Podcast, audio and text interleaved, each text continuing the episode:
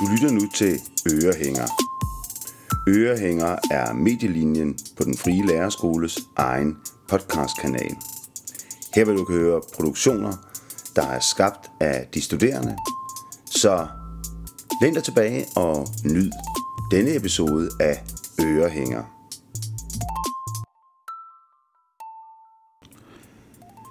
I denne episode af Ørehænger fortsætter vi med temaet børn, unge, det digitale og skolen. Og du vil i dag blive klogere på begrebet til tideværelse. Og du vil også komme til at møde rigtige børn og rigtige unge. Du har åbnet en besked fra det digitale rum. Velkommen til.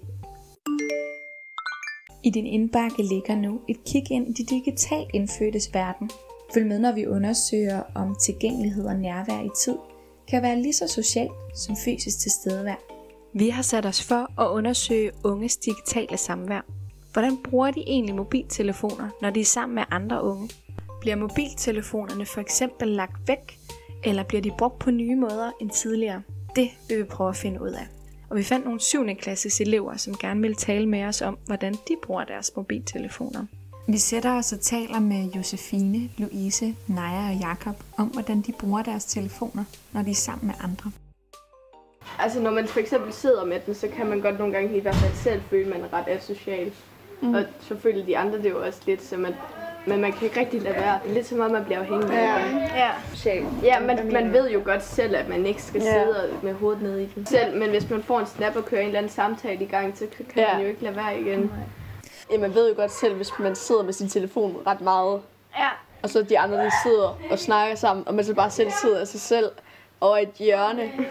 Altså, jeg prøver sådan tit med mine forældre, det er ikke mine forældre, der bruger den, men det er mig.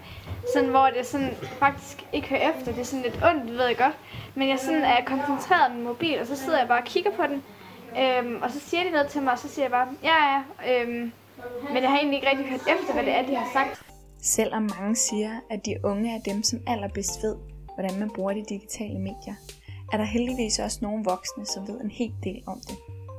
En af dem er Søren Schultz Hansen, som er erhvervsforsker og ekstern lektor på CBS. Han er også forfatter til bøgerne årgang 2012 og de digitalt indfødte på job. Søren er her med på en lidt skrættende telefon fra København. Ja, det er Søren Hansen. Hej Søren, det er Marina fra Den Frie Lærerskole. Goddag, goddag. Goddag, det er så dejligt, du vil være med. Øh, men det vi sådan har undersøgt eller er nysgerrige på, det er sådan, hvad kendetegner unges digitale samvær i dag?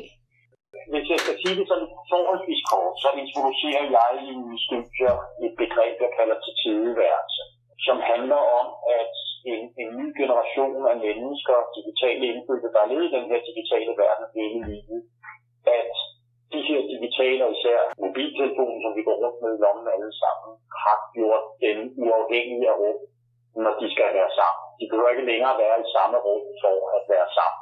Og tit er dem, de er sammen med i samme rum, det bliver faktisk nedprioriteret til fordel for nogen, der er et helt andet sted.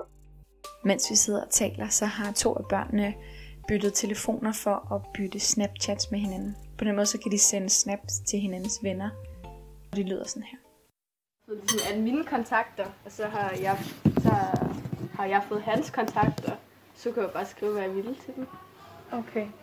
Og nu, nu skriver folk tilbage til jer. Ja, så småt, tror jeg. Nej, ikke, ikke, ikke hos mig nu. Der er ikke engang nogen, der har set den. Jeg har ikke, jeg har ikke nogen venner. Det er noget mere. Okay. Finder Altså, hvad- og er det- er det noget-. Er det normalt lige at gøre det der med, så skifter vi lige telefoner? Altså, det er sådan noget, man gør en gang imellem. Det, man det er bare ret sjovt. Ja.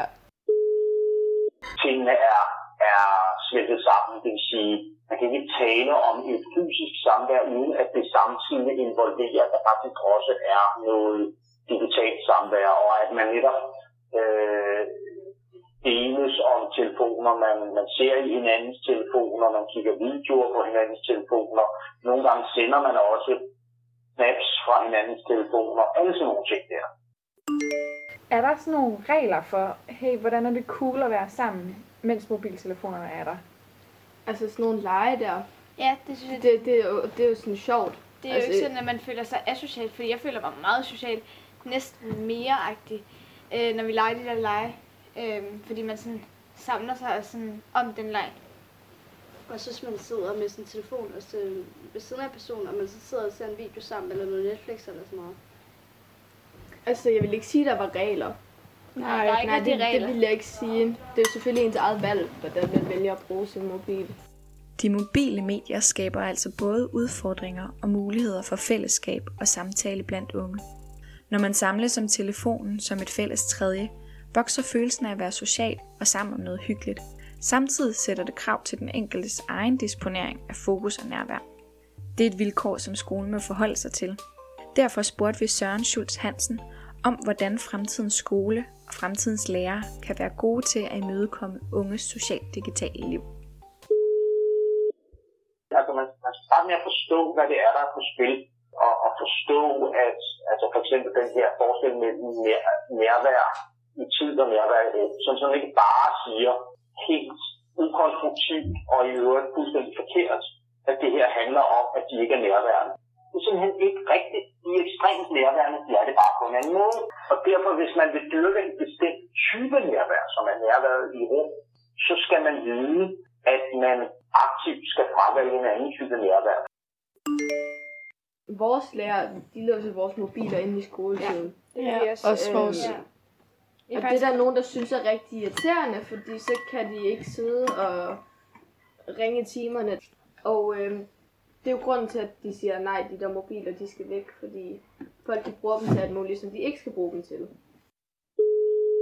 man skal starte med at forstå som lærer, som ung selv og elev. Fordi det, det, det er der også noget, når jeg taler med øh, og taler det her til, til unge, ikke? der, der ligger jo også noget refleksion, som, altså, hvor de selv måske er for tæt på de her ting, til at de ikke forstår det. Og derfor er der også noget refleksion, noget forståelse. Og det efterspørger de. Og mm. det kan skolen være med til at give dem. Og det gør de punkt 1 ved at forstå, hvad det er, der er på spil. Punkt 2 ved at tage de unge, altså elevernes øh, input alvorligt, og tre, tage nogle beslutninger om, hvornår er det rent faktisk rigtig, rigtig godt, at vi har tilstedeværelse, hvor vi så skal sætte nogle klare rammer, nu er det forbudt. I stedet for enten at gå i den ene som er, der har været en tendens til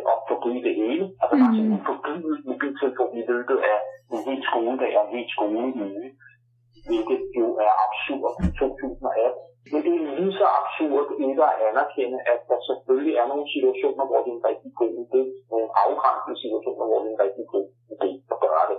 Så det fuldstændige forbud er absurd. Det, den, den manglende stillingtagen og de manglende rammer er lige så absurd. Begge dele er absurd. Du har nu hørt din besked fra det digitale rum. I din indbakke lå et indblik i det digitalt indfødtes verden. Måske blev du klogere på digitale mediers betydning for nærvær i rum og tid blandt unge. Tak til Jakob, Naja, Louise og Josefine for deres input om, hvordan de bruger deres øh, telefoner. Og tak til Søren Schultz Hansen, ekstern lektor på CBS og erhvervsforsker, der forsker i unges digitalt sociale liv. Du har ikke flere meddelelser.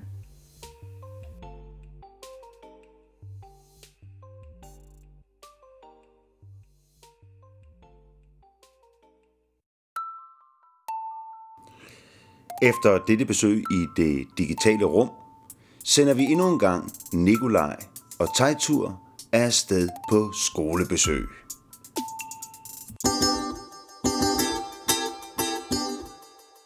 Hej og velkommen til denne uges afsnit af Sandheden skal man høre fra børn og fulde folk.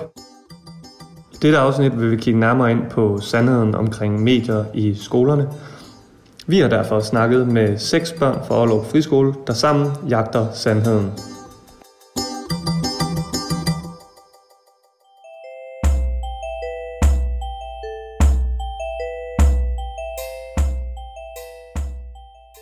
Der er rigtig mange, der jo også bruger det til, hvad det hedder. Der henter Snapchat bare for, der er jo sådan nogle sjove filter, du også kan bruge og sådan noget. og Så det bruger de det bare til. Mm. Og, og der er også meget det der med at holde en streak, Mhm. og det er, hvor du ligesom sender snaps til hinanden hver dag, så du ligesom holder et bestemt tal. Ja.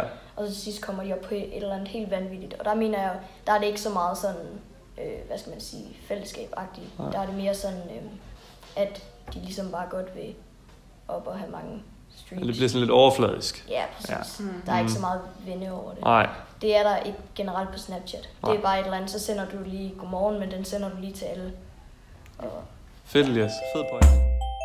Tænker I, at, at øh, det, at man kan skrive sammen derhjemme, på for eksempel over Messenger eller Snapchat, eller Mm. styrker det fællesskabet op på skolen, eller kan det være usundt? Jeg for- synes, det styrker. tror jeg. Ja, det Fordi, tænker jeg. altså, Man kan jo for eksempel skrive sammen, at øh, hey, vil I være med til at være sammen bagefter skole og tage i byen eller sådan noget.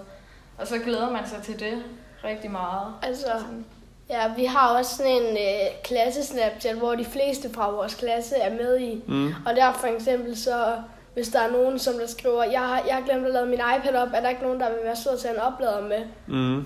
Så, så, så gør man det, ja. og så skriver man lige, ja, det kan jeg godt gøre, og så... Så på den måde, så kan I hjælpe hinanden lidt mere. Ja. Så I tænker faktisk, det er positivt for jeres fællesskaber, Mm. Ja. at, at I kan skrive sammen på den måde. Yep. Ja. Mm.